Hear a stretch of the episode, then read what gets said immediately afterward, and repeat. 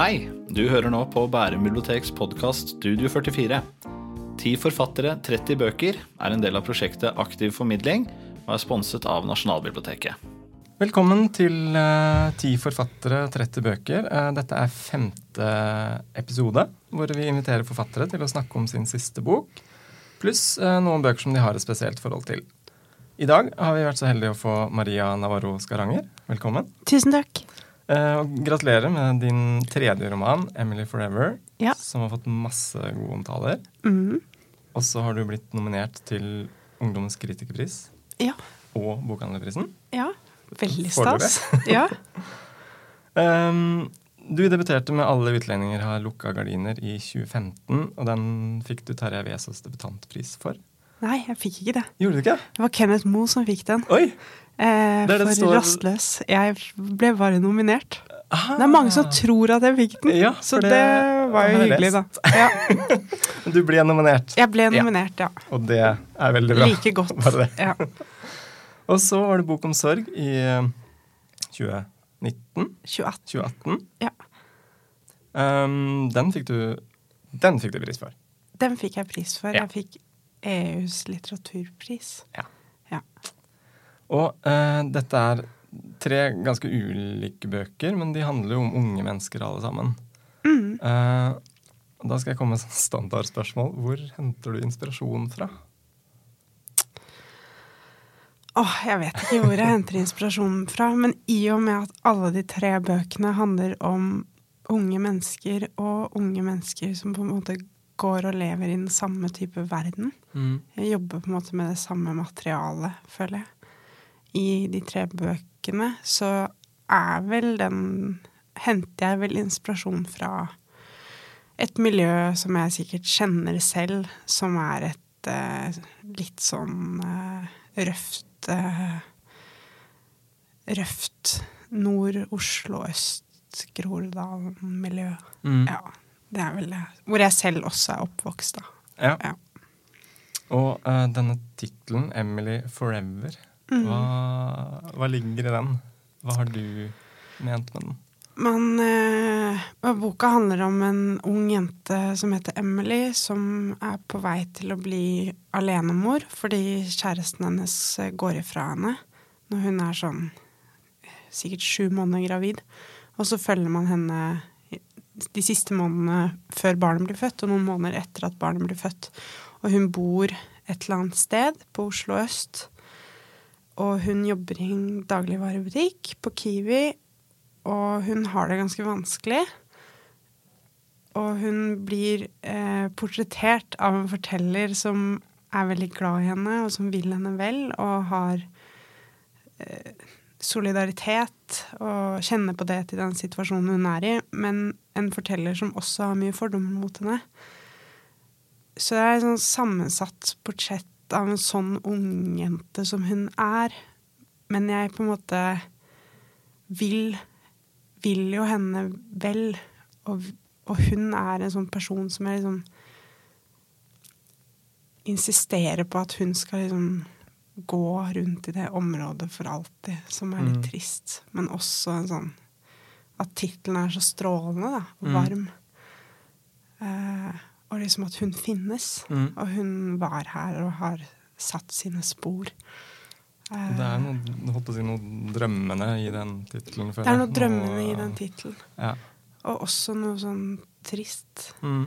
Fordi, den, fordi romanen er en skildring av en såpass vanskeligstilt jente. Da. Mm. Uh, som kanskje ligner Boka ligner jo ikke på 'Lilja Forever', som er en film av han? Lucas, Lucas Moodysson. Mm.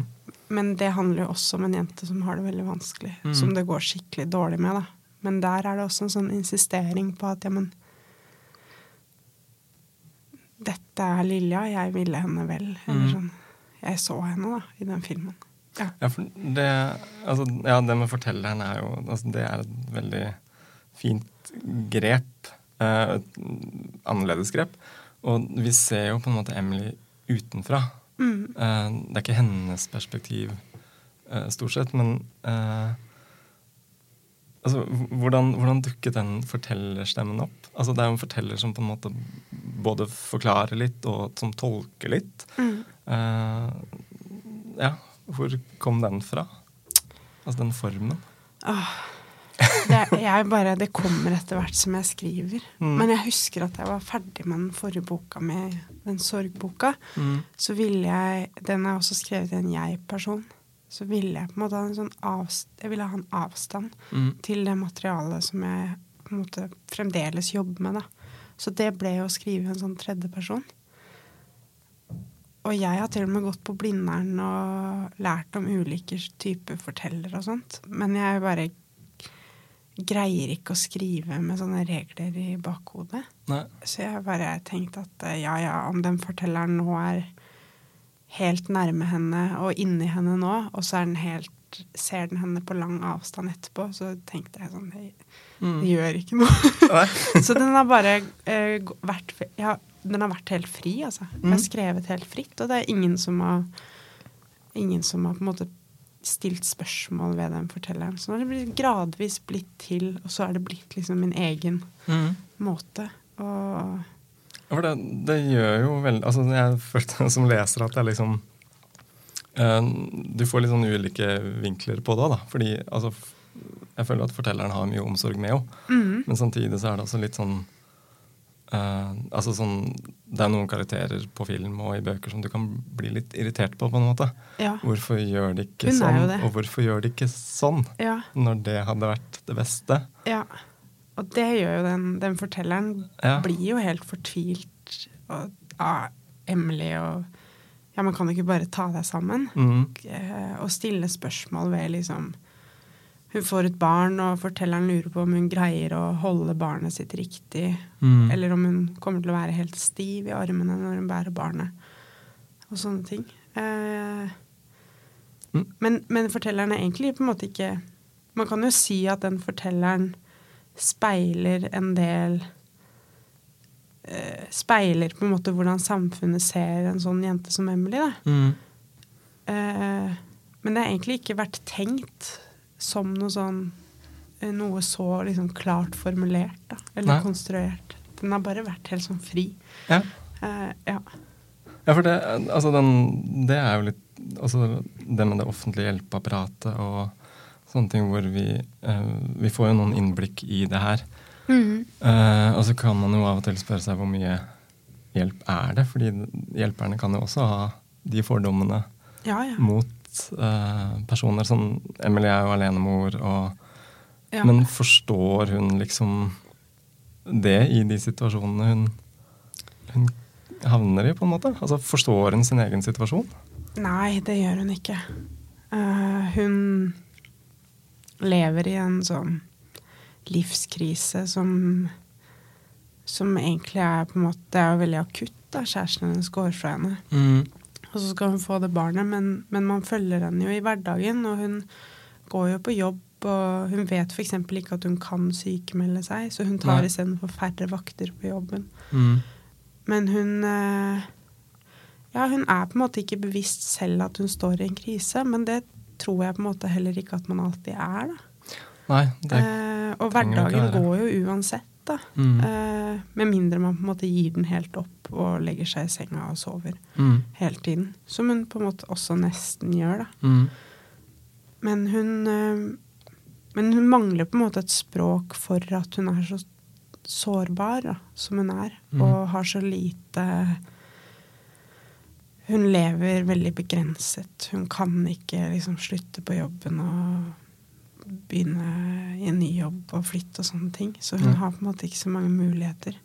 Så sånn sett så lever hun kanskje sånn fattig, ganske fattig liv. Mm. Og jeg, jeg har på en måte tenkt at jeg skildrer en form for fattigdom.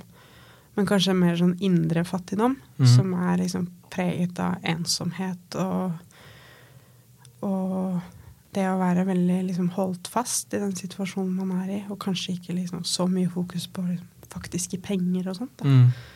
Eh, men hun ser jo ikke de, det helsesystemet som Det er jo ingen som forteller henne at helse, helse Eller det er det kanskje. At jordmødrene også på en måte skal se om det er noe som er feil, som de Ja. må ta tak i. Men så, det er jo noe med de, altså, forutsetningene hennes. For hun har også vokst opp med en alenemor. Mm. Og eh, altså Det er ikke til å komme bort fra det her at eh, det har vært en del eh, snakk om klasse og arbeiderklasse og arbeiderlitteratur og sånn. Når jeg har lest anmeldelser og Mm. debatter rundt boka di. Eh, I Morgenbladet så ble det vel også en av de klassiske metadebattene om hva, hva er arbeiderlitteratur. Ja. Eh, og Aftenpostens anmelder skrev også at uh, forlaget gjorde en bjørntjeneste ved å fremstille det som en roman som handler om klasse. Mm. Var det, var det tenkt fra din side, liksom, at det skulle være uh, For, det, for det er jo ikke eksplisitt. det. Men, Nei, det er ikke eksplisitt. Men jeg tror, tror heller ikke at litteraturen trenger å være så eksplisitt. Og jeg syns ofte at hvis sånn klassetematikk blir så eksplisitt at den At alle titler må hete noe med arbeid eller klasse Mm. eller et eller annet sånt, så, um, så kan det også være uheldig for en bok. Mm, Og det tror jeg egentlig er det han anmelderen prøver å si. ja. At ofte så rammer man inn bøker på en måte som er uheldig. Mm. Og så tror jeg bare at den fortellerstemmen i romanen gikk litt over hodet på han. Mm. Fordi, fordi det med klasse, det Jeg tror jeg alltid har skrevet om det, og så er det først nå jeg liksom selv har fått et mer bevisst forhold til det, og kunne lage et språk sjøl rundt det, sånn at jeg kan snakke om det. Men, jeg, men det med klasse finnes jo i Emily-boka, særlig med den fortelleren. Men det er jo liksom akkurat som jeg tenker liksom at det stråler gjennom teksten. Mm. Eh, snarere enn at det liksom plasseres på utsiden. Og så Ja, for vi ser jo på en måte også hva hun Altså, hun har jo på en måte Hun arver jo uh, dette, på en måte. Altså Ja. denne posisjonen i samfunnet fra moren. Og Ja. hun har jo ikke, hun har jo ikke lært uh, holdt på å si, jo, hvor hun skal søke kunnskap, og litt sånne ting. Mm, Og det er mye av det som ligger i det, altså like mye det kulturelle mm, Uh, Mangelen på kunnskap, og mangelen på kunnskap om hvor mm. du kan søke kunnskap. Ja.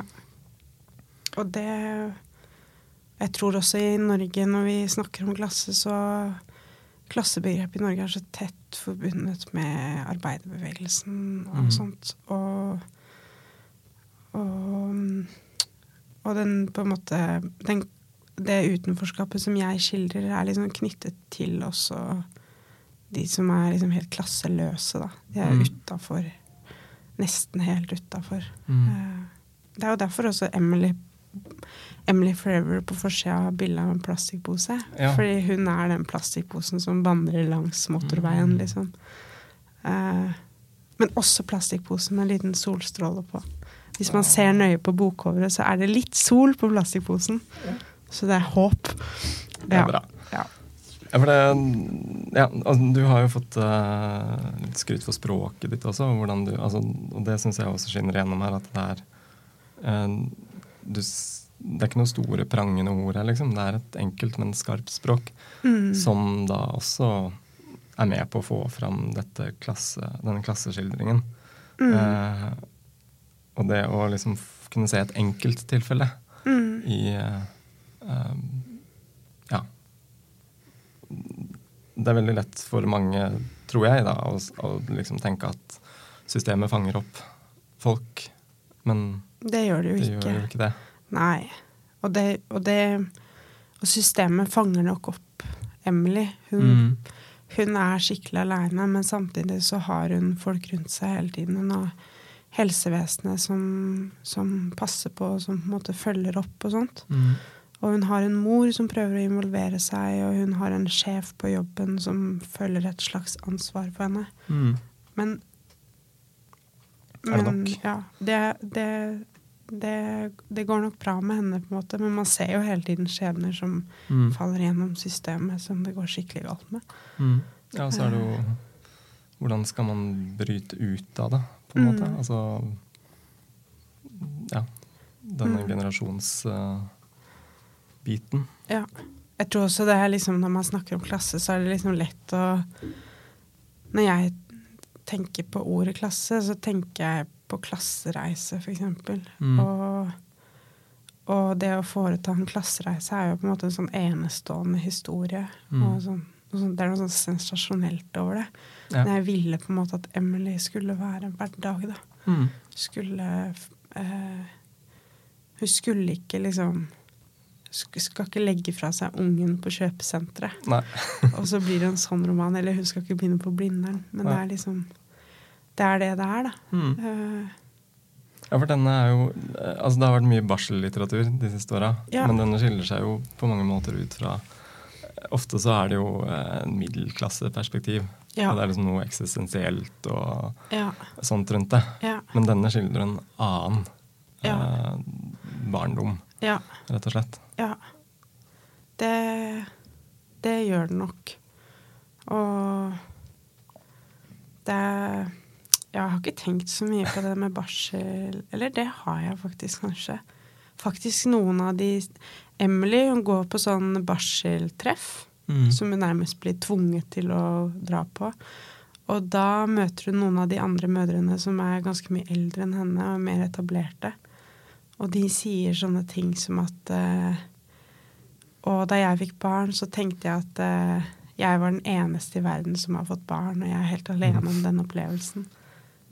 Og det har jeg nok faktisk hentet fra bøk, en bok av f.eks. danske Olga Ravn, som skriver Ja. mye om det å få barn. Som er, som, og hun skriver veldig bra, og det er, og det er litterært og sånn, men det er også veldig, veldig knyttet til kvinner som henne selv, da, som Mm. har de samme forutsetningene som henne selv. Eh, og jeg tror også at mange Jeg er jo sikkert også på en måte sånn middelklassekvinne i og med at jeg er forfatter og, og alt sånn.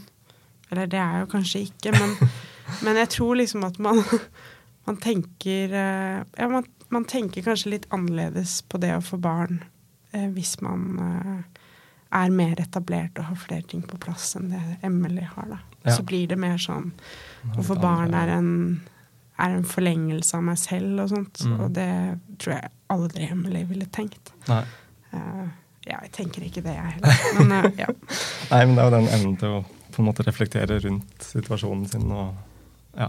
ja. Uh, Olga Ravn, eh, forresten, hun var jo også noe som ble trukket fram i en debatt her om uh, arbeiderlitteratur. Hvor hun også mener Ja, for hun mener at kvinner er kvin, Altså kvinner Produsere nye arbeidere til staten var et sitat som Ja, det er jo forferdelig jålete Ja. sagt, syns jeg. Det er bare tull. Men at det liksom var en uh, altså, det, altså det også er arbeiderlitteratur, da. Det å, skri, å skrive om uh, kvinnens arbeid i, Ja. i uh, og med hjemmet. ja det syns jeg er skikkelig jålete sagt, ja. Men selv om jeg skjønner jo hva hun mener, liksom, Mm. så ja. Det hørtes jo veldig fint ut, da. Ja. Jeg vet ikke om det er et sitat fra henne, eller om det var noen som skrev det om, eh, som parafrasert eh, fra hva hun sa. Men Ja. eh, Ja. ja. Eh, vi kunne snakka veldig mye mer om denne boka, merker jeg, men vi skal over på noe annet òg. Men jeg må bare trekke fram, for det er et par andre karakterer også i denne boka, som eh, naboen, for eksempel. ja. Han som han, Hvem er denne naboen? Han tenker kanskje litt for mye på Åh, han er unge- skikkelig ensom, og han står og ser på Emily fra bak døra si mens hun går ned trappene istedenfor å ta heisen og sånne ting. mm, Og han sender lapper til henne, og han er nok eh, betatt av henne. mm, Og prøver å eh, invitere henne med ut og sånt. Eh, men han er jo den som virkelig er helt ensom, da. Mm. Fordi Emily er jo forlatt og sånn, men hun har folk rundt seg hele tiden. Blant annet han, da. ja. Men det er på en måte ingen som ser han, tenker jeg. Og så vil han, eller han vil jo også henne veldig vel. Men han er klønete og litt sånn eh, pre Jeg har nesten tenkt på han som sånn pubertal. At det er sånne ting man Ja. gjør når man er 16 år, og sender lapper til noen andre og legger det i postkassa. Mm. Eh, og så er han jo mye eldre enn henne også. Uh, han vil, vil Han er på en måte Det står jo Han er på en måte romanens hvis. Mm. Hun kunne blitt sammen med han. Hva hadde, Mm. hva hadde skjedd da? Hvordan historie hadde det blitt da? Eller sånn. Ja. Ja. Og så er det eh, Pablo, eh, barnefaren, som Altså, vi får jo bare en bitte liten del av hans historie. Mm. Men uh, og uh, forteller, sender oss en stikk til ham uh, på slutten at han, når han skal ta blodprøve, så eh, eh, står det noe sånt som at 'jeg håper jeg måtte stikke mange ganger'. Ja, Så han, han får gjennomgå litt. Men, Ja. men har han hatt bare enkelt, liksom? Eller hva? Nei. Egentlig så skulle jo dette være Pablos roman. Ah, ok. Eh, fordi jeg syns det var så gøy med sånn røverhistorie. For han er jo en sånn halvkjeltring. Men så ble jeg på en måte mer interessert i det som var kjæresten til Pablo. Og Mm. det var jo Emily. Ja. Men eh, han er Ja, han er sånn lever på kanten Lever på kanten med loven. Er det det det heter? Ja, Mm. Ja. det gjør han. Det si. Ja. Eh, og han eh, Jeg tenker liksom at eh, det er ikke en unnskyldning for det han gjør. For det har liksom vært et stort spørsmål for meg. Hvordan kan man gå fra et barn? Mm. Og det forstår jeg på en måte heller ikke. Men jeg kan jo Men det er jo et eller annet med det at han Hvis han hadde blitt værende sammen med Emily og barnet, så hadde han på en måte vært helt fanget. Mm. Og alt han gjør, er jo på en måte å søke en eller annen form for frihet. I det derre å leve på kanten med loven. Mm. Være ute hele natta, gå hjem midt på natta og se på stjernene. Det er en sånn, en sånn frihet igjen, føler Ja. jeg. Og de er jo så Så- unge. De er jo, De er så unge. Pablo er jo også ung, ikke Mm. sant? Og det er jo også Om Emily er dømt til å leve det livet hun på en måte har fått. Eh, hun er jo nesten for ung til å på en måte ha valgt det, eller sånn. Mm. Men eh, hun er jo så ung. Hele romanen er jo prega av at det er så unge folk. Ja. Så det kan jo hende at de får et annet liv seinere. Mm. Eller at det blir noe annet. Det gjør det jo alltid i et liv. Men, Ja. ja. Det hadde vært spennende med en oppfølger her, men uh, Ja. Vi får se. ja. Ja. Uh, men uh, en sterk historie, og den er veldig populær også her på Ja, så biblioteket. Det er veldig lang venteliste på den, Oi, så hyggelig. så det er veldig, veldig gøy. Ja, det er stas. Vi skal eh, snakke litt kort også om eh, noen andre bøker, for du har fått en liten oppgave Ja. for å komme hit. ja. Eh, og den første oppgaven var at du skulle finne en bok som du eh, ja, formulerte som 'kaster i søpla' eller 'blir trist eller sint av'. Mhm. Eh, hva har du valgt? Jeg tenkte først da må jeg velge en bok som jeg syns er skikkelig dårlig. Og da blir jeg skikkelig ukollegial hvis jeg begynner å fortelle om noen bøker som jeg syns er dårlige. Så, jeg har så tenkte jeg men jeg kan jo ta en sånn utenlandsk løkkeskriftforfatter. Sånn hva heter hun? Yo-Yo Moyes? Ja. Jojo Ja. Moyes? Jeg vet ikke hva hun heter engang. Eller Men hun er kanskje død. Det var jo en som nettopp døde òg. Ikke sant? Ja, og da det, man ja, det var Lucinda Riley. Lucinda Ja. Riley, ikke sant? Og da er man plutselig ikke noe hyggelig lenger. Men, eh, men så tenkte jeg at eh, man kanskje faktisk også, hvis man leser en bok så mye at den blir helt slitt, Mm. da må man også kjøpe en ny og kaste Det den gamle. Det er et poeng. Og det har, og det har skjedd to ganger med Ja. meg. Og den ene har jeg vært i 'Kjølvannet' av Per mm. Petterson. Mm. Den har jeg lest mange, mange ganger. Og som handler om en Arvid i kjølvannet av at familien hans er død. Mm. Fordi de dør i en sånn Scandinavian Star-ulykke. Eh, og så følger man Arvid med sånn Kjører ut av Oslo til Karihaugen eller Lørenskog. Det er veldig mye bilkjøring Ja. som er veldig fint. Og veldig mye ut, utholdenhet. Å holde ut livet, og holde Mm. ut mens man har vært på butikken og kjøpt mange varer, og så skal han skal absolutt bære alle bæreposene med varer hjem hele veien. Uh, jeg syns det er så sterkt. Uh, og så har det skjedd med en bok til, og det er uh, 'Kaptein Nemos bibliotek' av P.O. Enquist. Ja.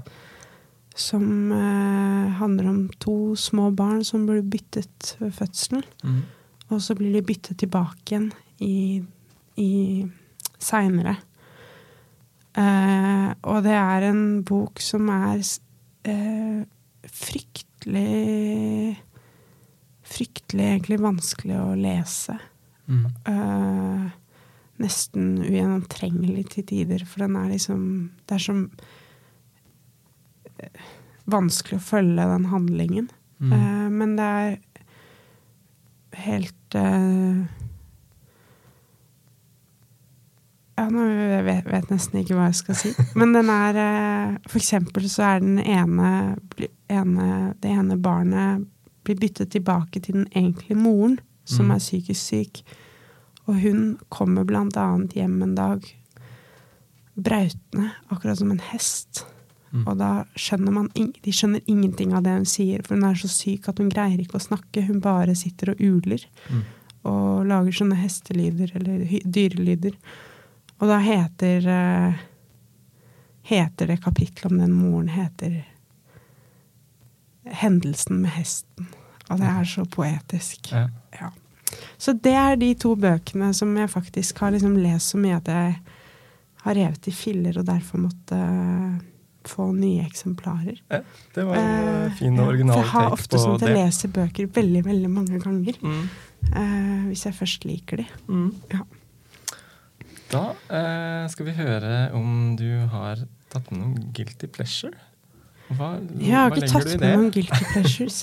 Når jeg tenker guilty pleasure, så tenker jeg jo at det handler om noe som kanskje ikke er så bra, men som man likevel nyter. Mm. Eh, og da har jeg landa på Jeg har egentlig landa på to, da. Men jeg kan jo si en. Jeg har landa på Harry Potter. Fordi at eh, Harry Potter var noe jeg leste masse da jeg var ungdom. Mm. Og når man er ungdom på ungdomsskolen og barneskolen, så leser man på en annen måte enn det man gjør når man blir voksen. Ja. Så det er mye mer knytta til flukt fra verden, og det å liksom kunne stupe inn et annet univers og leve seg inn i det og sånt. Mm. En annen fantasiverden. Ja, ikke sant? som- Ja. Og så nå, så Så det har jeg gjort mye. Og så har jeg ikke lest disse bøkene på kjempelenge. Nei. Men nå så har jeg hatt så mye sånne bokoppdrag og sånt, så jeg har vært så sliten, og jeg har trengt å skru av hjernen helt. Og hva har jeg gjort da?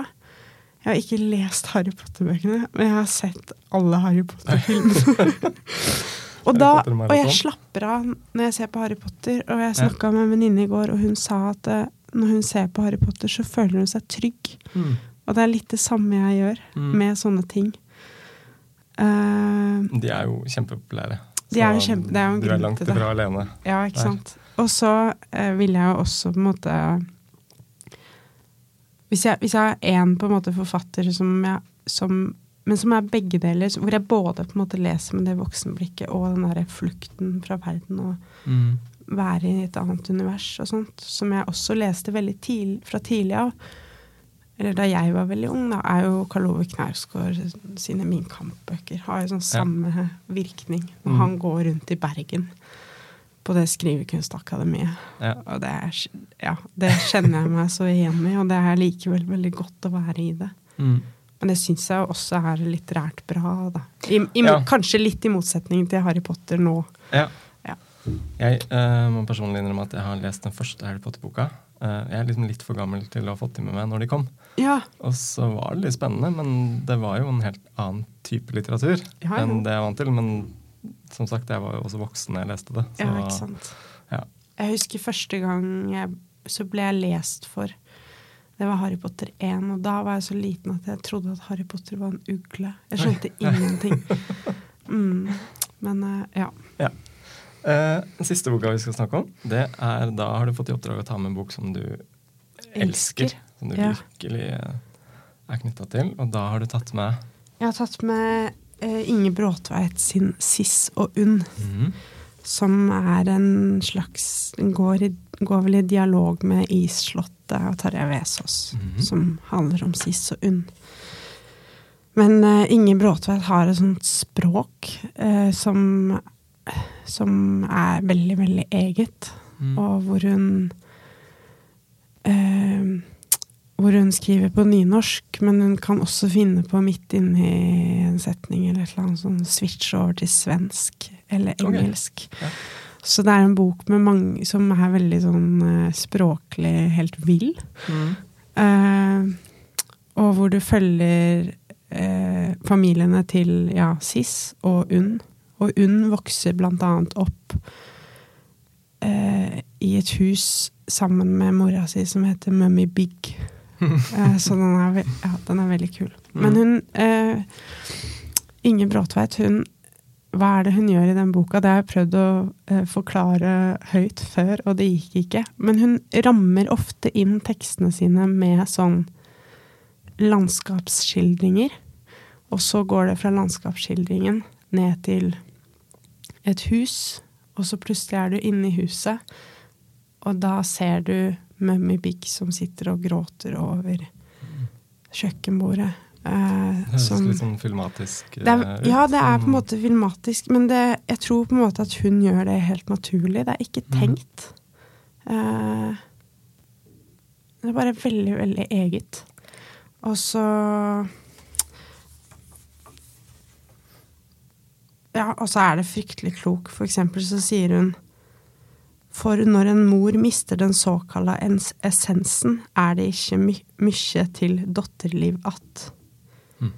Eh, men like stødig som mammaen til Siss legger makeupen over auger og lepper, plasserer moster den broderte duken på salongbordet og setter fram langstilka påskeliljer i den smale, glassblåste vasen. Det er veldig mye som er sagt i løpet av den setningen, og du kan nesten følge de, hvordan de på en måte beveger seg. Mm. Ja, det kommer veldig nært på de karakterene. Det var, jeg håper ikke Inger hører på det her. Så synes hun at det var en forferdelig dårlig skildring Eller sagt om boka hennes. Ja. Det kan også nevne, siden vi snakka om Olga Ravn i stad, Ja. Inger Bråtvedt har også oversatt Olga Ravn. eh, Olga Ravn. Mm. En uh, ny oversettelse på norsk Mm. av De, de tilsette, Mm, som heter nå. mm. Eh, Den var veldig bra. ja. syns jeg. Ja. Har du lest den? Eh, Ja, den har jeg lest. Ja. Eh, og så har jeg ikke lest Jeg har ikke lest hele den barselboka som heter Mitt arbeide. Nei. Den er vel 400 og noe sider. Ja. Ikke det at det trenger å være en hindring, men uh, ja. det er mye som skal leses. Og vi har fått noen veldig gode tips Ja, så bra. i dag. Tusen takk. Og uh, tusen, tusen takk for at du kom, Maria. Ja, bare hyggelig Takk for at jeg fikk komme. Ja. Så bra. Og hvis dere vil høre flere av disse podkastene, så fins vi på Bærum bibliotek, Studio 44, på eh, Spotify og Soundcloud. Takk for oss. Takk for oss.